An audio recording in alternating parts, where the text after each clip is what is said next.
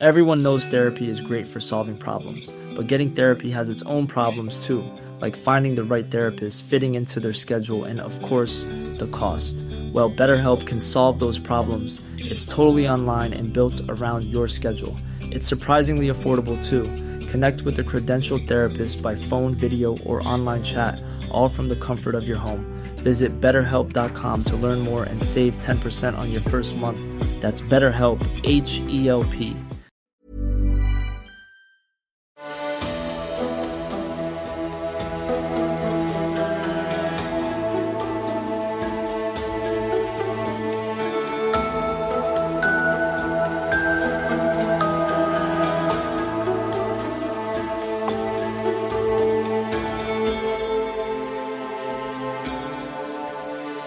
Velkommen til Seriemorderpodden. Podkasten dedikert til seriemordere. Hvem de var, hva de gjorde, og hvordan. Mitt navn er Thomas Rosseland Wiborg Tune. Idet denne episoden er publisert, er vi akkurat ferdig med julaften og første juledag. For noen virker det kanskje morbid å publisere detaljert true crime i en høytid som skal handle om familie, kjærlighet og gavmildhet. Jeg tenker som så at det er ekstra viktig å fortelle om samfunnets skyggesider i julen. I julen er det lett å pakke seg inn i illusjonen om at verden er en Disney-film, så da er det på sin plass å skinne et lys på mørket som absolutt finnes der ute. Forrige episode presenterte jeg Dennis Raiders andre drapsorgie, og hvordan hans korrespondanse med media begynte. I kveld, andre juledag, fortsetter vi reisen inn i en mørketid som er mørkere enn noe vi har sett her i gamle Norge. Så bli med meg mens vi fordyper oss videre i saken om en av USAs mest ikoniske seriemordere. Hvem han var, hva han gjorde, og hvordan.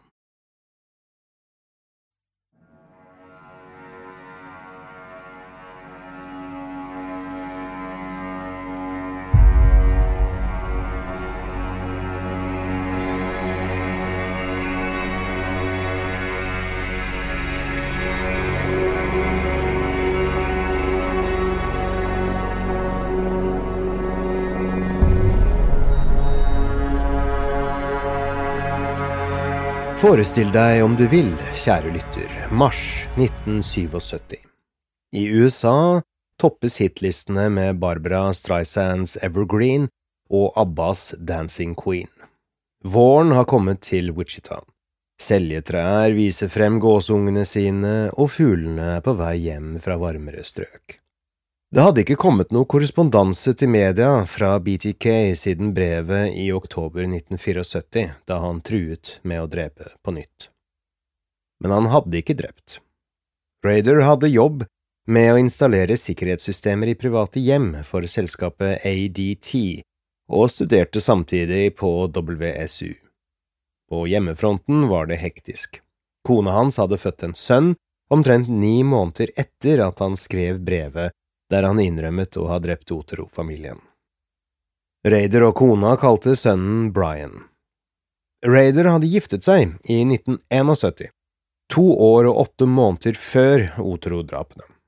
Bruden hans, Paula Dietz, jobbet da som sekretær for den amerikanske legionen. Til seremonien i Christ Lutheran Church stilte to av hans yngre brødre opp sammen med ham. Han så ut til å forgude Paula. Folk la merke til at stemmen og holdningen hans ble mykere når han snakket om henne. Selv om Raider hadde måttet prioritere familieliv disse årene, hadde han aldri sluttet å følge etter og være besatt av tanker om å binde, torturere og drepe vakre kvinner. Den 17. mars 1977, St. Patrick's Day, var Dennis Raider, velkledd i en tweed sportsjakke, svart turtleneck-genser, penbukser og pensko. Selv syntes han at han så ut som James Bond. For andre folk så han nok snarere ut som en kjedelig forstadsfar med tynt hår og bart. Det hadde gått flere år siden sist han myrdet, og Raider hadde sett seg ut mange ulike såkalte prosjekter han kunne utføre for å slukke drapsstørsten sin.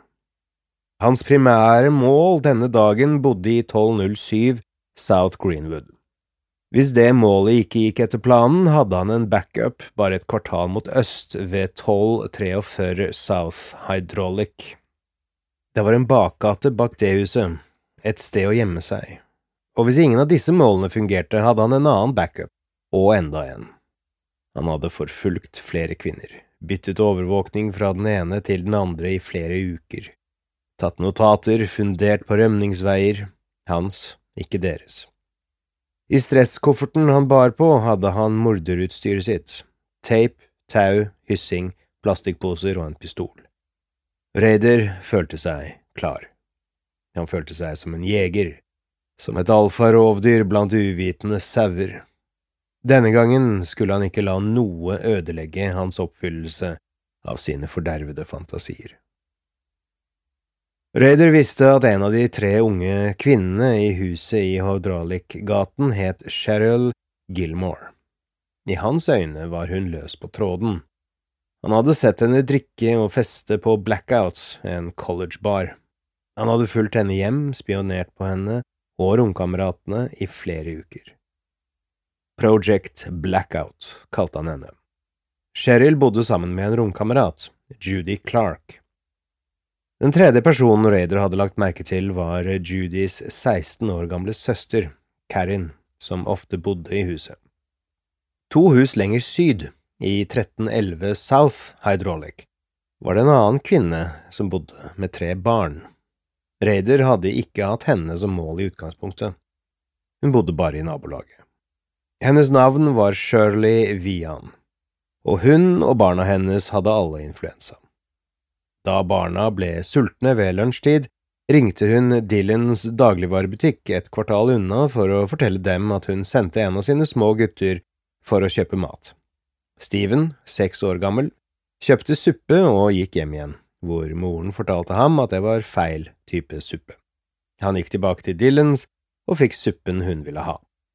Rett før han kom hjem, stoppet en høy mann med en koffert ham og stilte ham et spørsmål. Raiders primære mål ved 1207 South Greenwood hadde ikke fungert. Ingen svarte da Raider banket på. Han hadde blitt stående et øyeblikk og holdt i kofferten, han vurderte da å bryte seg inn, slik han hadde gjort på Bright-huset, men bestemte seg for at han ikke ville risikere å ødelegge de gode klærne sine. Han bestemte seg for å gå til Project Blackouts hus. Da han kom frem til Blackouts hus, så han en liten gutt gå mot ham med en suppeboks. Redder tenkte det var en ideell mulighet til å leke detektiv. Han tok frem bildet av sin egen kone og sønn, og så spurte han gutten, Har du sett disse menneskene? Gutten så på bildet og sa nei. Er du sikker? Ja. Gutten gikk videre. Raider så på ham et øyeblikk, og gikk så til Blackouts dør. Han kikket nedover gaten igjen og så at gutten så på ham. Raider banket på Blackouts dør. Da han ikke fikk noe svar, gikk han til guttens hus. Stevens bror og søster lekte da Steven kom hjem. Bud var åtte, Stephanie fire. Steven krøp opp i sengen med moren sin. Øyeblikk senere hørte han noen banke på, og spurtet mot døren. Det gjorde Bud også, de likte å løpe om kapp.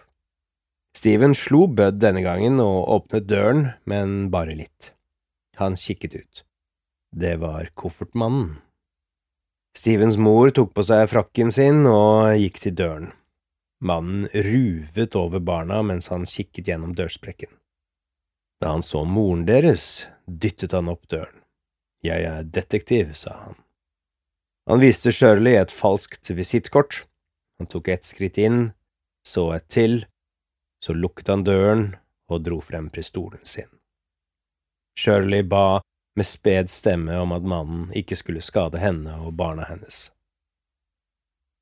Raider sa avvæpnende ting til Shirley, lik det han hadde sagt til Otero-familien og Bright-søsknene. Men så pyntet han på historien sin. Han hadde et sexfantasiproblem. Han ville binde henne, ha sex, ta noen bilder, det ville ikke være en behagelig ting for henne, men ingen kom til å bli skadet, sa han.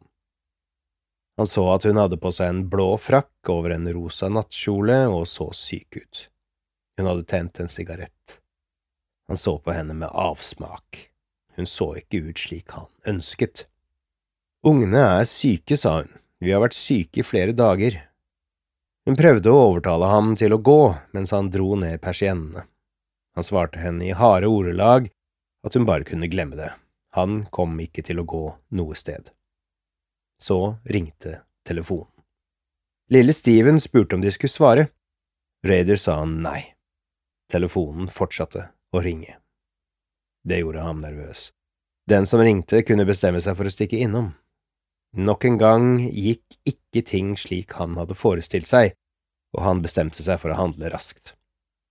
Han fortalte Shirley at han skulle binde fast barna hennes. Hun tryglet han om å la være, noe han ignorerte. Han begynte å binde fast den eldste gutten, som umiddelbart begynte å hyle og sprelle. Dette satte en støkk i Raider.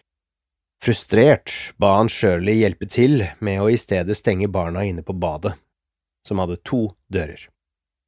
Han bandt vestdøren fra innsiden, løkket snoren rundt knotten og knyttet den under vasken. Det var leker på stuegulvet, et fly, en brannbil, en liten bil. Han kastet dem inn på badet til barna, og kastet inn tepper og puter. Barna så naturligvis livredde ut, men han snakket stille og beroliget dem for å holde dem alle i ro. Han tok med moren deres, Shirley, inn på soverommet hennes, lukket den østlige baderomsdøren og dyttet sengen hennes inntil for å blokkere den. Først kledde han Shirley naken, så viklet han elektrisk tape rundt underarmene og leggene hennes. Det var en sekvens til det han gjorde. Han bandt ofrene først fordi det fikk dem raskt under kontroll. Raider bandt håndleddene hennes med snor og en nylonstrømpe, og bandt deretter anklene hennes med snor. På badet skrek barna og hamret på døren. Lille Steven ropte modig, og jeg siterer, La min mor være i fred, la min mor være i fred, kom deg ut herfra, jeg skal bryte ut herfra. Sitat slutt. Raider ropte tilbake i en nesten munter tone at gutten nok ikke ville bryte ut, for da kom han til å blåse hodet av ham med pistolen sin.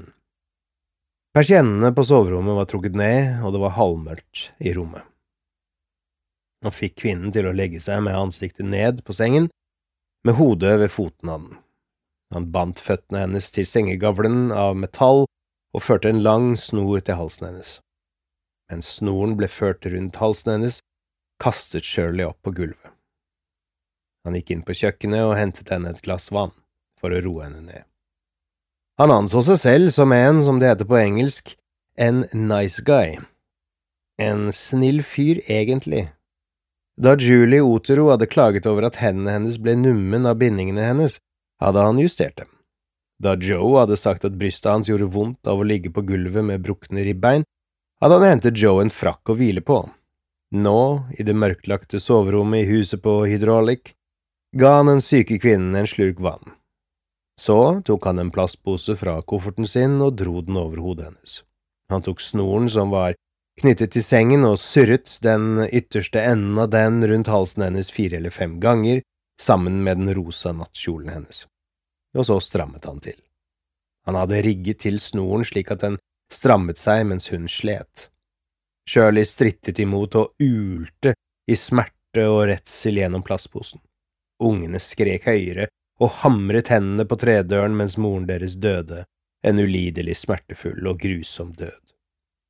Da kroppen hennes ble slapp, og han var sikker på at Shirley var død, reiste Raider seg og følte seg skuffet. Han hadde villet gjøre mer, blant annet kvele guttene og henge jenta. Men eh, telefonen som hadde ringt, bekymret ham. Før han gikk ut, stjal han to par av kvinnens underbukser.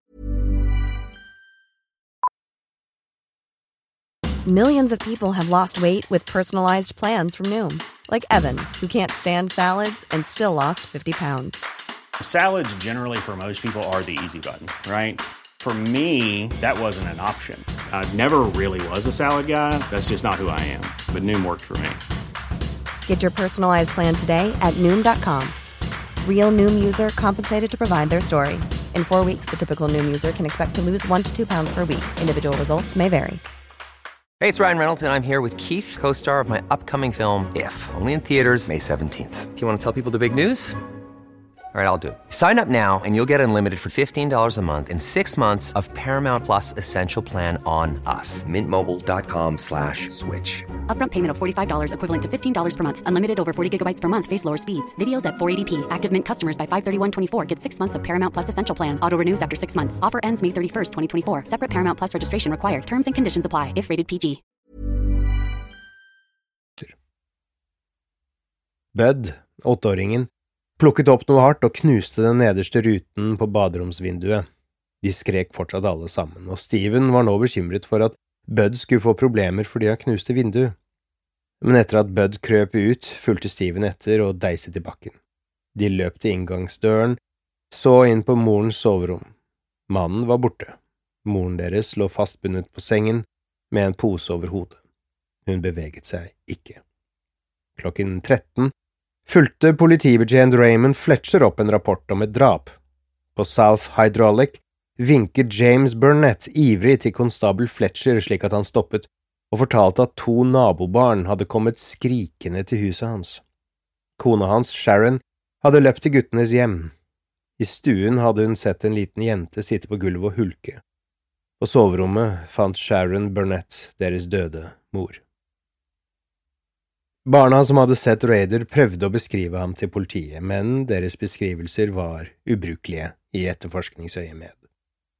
Steven sa blant annet at morderen hadde hatt en ullmave, men så pekt på en atletisk politikonstabel i nærheten og sagt at morderen lignet på ham.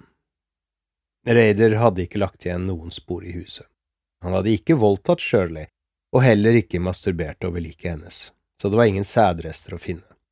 Politiet fant heller ingen fingeravtrykk, og det tok ikke lang tid før mordet på Shirley var nok en såkalt cold case. For unge folk i Wichita i 1977 var kjøpesenteret sørøst i Wichita stedet å være. The Mall, som det het, var som en gammel markedsplass hvor folk samlet seg for å kjøpe, selge og sladre. Det hadde klimaanlegg om sommeren og var oppvarmet om vinteren. I desember tok en ung kvinne en deltidsjobb hos Heltsberg gullsmed i kjøpesenteret. Hun var 25 år gammel, Wichita-innfødt, og en jente som så ut til å lett få venner. Hun hadde et skarpt vidd og en direkte talemåte. Hennes navn var Nancy Fox. Hun jobbet allerede på heltid som sekretær for The Law Company, som merkelig nok var et arkitektfirma. Hun hadde tatt jobben hos Helsberg for å tjene ekstra penger til å kjøpe julegaver til slektningene sine. Nancy hadde allerede kjøpt gaver til sin to år gamle nevø ved navn Thomas. Hun var glad i Thomas, og hadde kledd seg ut i en kanindrakt for å overraske ham i påsken. Hun hadde en søster som het Beverly, og de skilte bare elleve måneder. Etter å ha vokst opp med å konkurrere med hverandre, dele soverom og krangle, hadde de vokst til å bli veldig nære venner. De hadde tre yngre brødre. Nancy hadde spilt fløyte på ungdomsskolen og sang i koret på Parkview baptistkirke på byens sydside. Hun kjørte en pudderblå Opel og tok hensyn til klærne, sminken, neglene og håret, og hun likte å ha vakre skjerf rundt halsen. Alle som kjente Nancy, beskrev henne som en eksepsjonell vakker ung kvinne. Hun og venninnene hennes sosialiserte seg på noen få Wichita nattklubber. Scene Seventies var favorittstedet på fredags- og lørdagskvelder. Nancy datet dørvakten der. På søndager kjørte hun Opelen sin til morens hus og gikk inn på et kjøkken som nesten alltid da luktet stekt kylling. Det var Nancys favorittmat. Nancy hadde ikke noe imot å bo alene. Hun fortalte moren at ingenting galt kom til å skje med henne. Raider hadde kjørt rundt i nabolaget til Nancy Fox og så at det var lavere middelklasse med billige steder å bo som tiltrakk seg enslige kvinner som bodde alene. Når han fant ut det, trollet han, som han kalte det, ofte i nabolaget. Han så Nancy for første gang en dag da hun gikk inn i lavblokken hun bodde i, som var malt i en munter rosa farve. Han så at hun var liten og pen, og at hun så ut til å bruke tid på håret og klærne. Dette satte han stor pris på. Han fulgte etter henne til jobben hennes i arkitektfirmaet, til nattjobben hennes på Helsberg og hjem til henne. Hos Helsberg kjøpte han rimelige smykker slik at han kunne se henne på nært hold. Så fulgte han etter henne hjem igjen, og fikk deretter tak i navnet hennes ved å se på konvoluttene i postkassen hennes mens hun var på jobb. Hun bodde i sydøst, i Wichita, ved 843 South Pershing gate, ikke langt fra kjøpesenteret. Hun hadde ingen mann han kunne se, og ingen hund. Da han sjekket den nordlige enden av lavblokken hun bodde i, fant han ut at den, den delen, var til leie. Det var ingen ved siden av som kunne høre henne skrike. Raider bestemte seg for at den 8. desember skulle han binde, torturere og drepe Nancy Fox. Raider hadde fortalt sin kone at han kom til å være på WSU-biblioteket den kvelden, noe som var sant, han hadde semesteroppgaver han måtte levere, og forskning han skulle fullføre. Han visste nøyaktig når Nancy kom til å forlate Helsberg. Så han hadde gått på biblioteket en time eller to før for å studere. Like før klokken 21 forlot han biblioteket, skiftet i mørke klær og kjørte sin kones røde Chevelle fra 1966 til Nancys nabolag. Han parkerte noen kvartaler fra lavblokken hennes tok frem sekken sin med drapsverktøy, gikk til inngangsdøren hennes og banket på. Hvis hun svarte, ville løgnen hans være at han hadde kommet til feil leilighet, men det kom ikke noe svar. Han banket på ved siden av, fant at den siden av blokken fortsatt var ledig, og skyndte seg rundt til baksiden. Han kuttet Nancys telefonlinje og knuste deretter et vindu og ventet så på huk. Han var bekymret for at når biler kjørte gjennom svingene på nærliggende Lincoln Street, ville frontlysene skinne på blokken og avsløre ham. Han så etter lys. Det var ingen, så han krøp gjennom vinduet. For en ryddig, ryddig jente Nancy Fox var. Alt var ryddig og polert. Leiligheten var mindre enn hans hus, kun ca 60 kvadratmeter. Han fant Juletrelysene hennes på, fotografier av smilende mennesker sto pent arrangert i hyller utenfor soverommet. Han likte alt han så. Han fant et melkeglass i Nancys kjøkkenskap, drakk litt vann, tørket av glasset og satte det tilbake. Han lyttet i telefonrøret for å forsikre seg om at telefonen var død. Han hadde fortsatt telefonen i hånden da inngangsdøren åpnet seg. Nancy hadde nettopp kommet inn, med frakken på, med vesken sin i hånden, da hun så mannen stå midt i leiligheten hennes. Hun virket ikke redd, kun irritert. Hun sa i en streng stemme at mannen skulle ha seg ut av leiligheten hennes. Hun gikk for å ta telefonen og advarte om at hun skulle ringe politiet. Hva følger er samtalen mellom Raider og Nancy. Det hjelper deg ikke, jeg kuttet telefonlinjen. Han beveget seg så mot henne og viste henne pistolen sin. Hva gjør du her? Hva skal du gjøre? Hva foregår her? Jeg er en syk fyr. Jeg vil ha sex. Jeg må binde deg for å ta bilder. Kom deg ut herfra.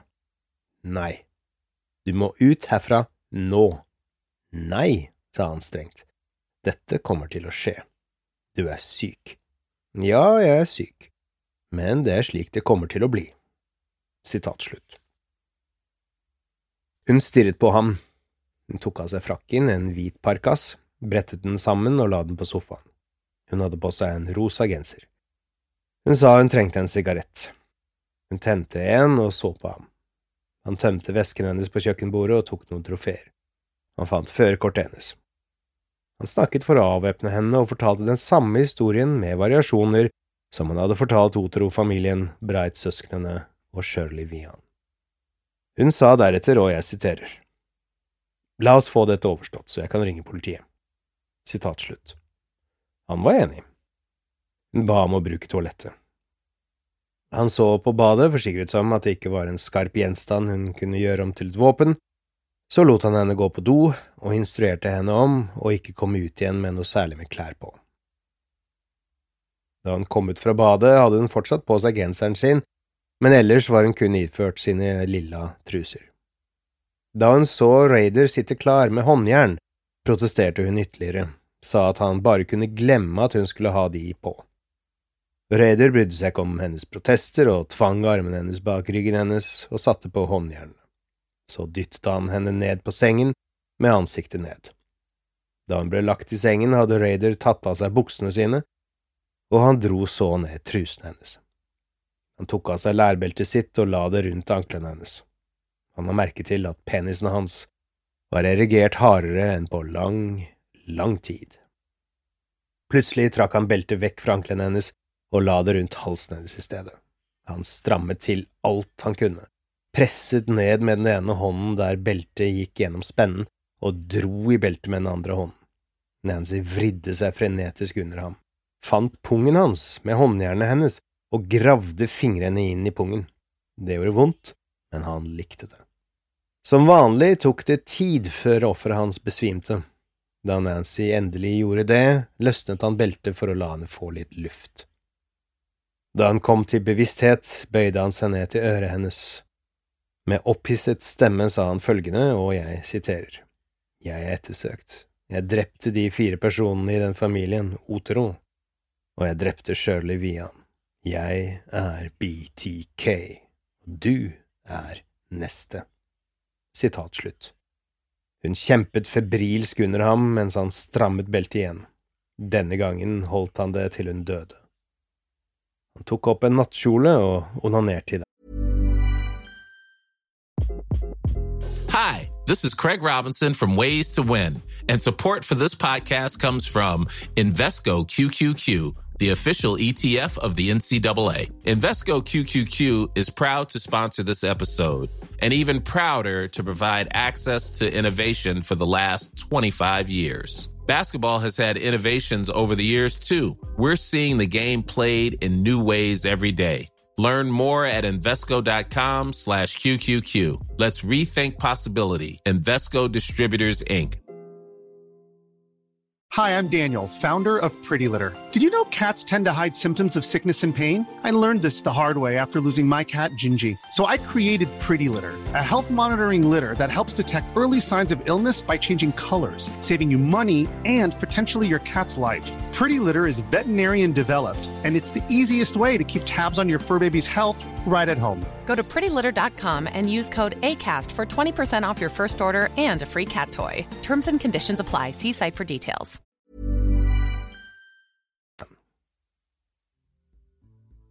Og med det kommer vi til slutten av den åttende episoden av Seriemorderpodden og slutten på del tre i sagaen om BTK. Jeg håper du har hatt glede av å tilbringe litt tid med meg i kveld.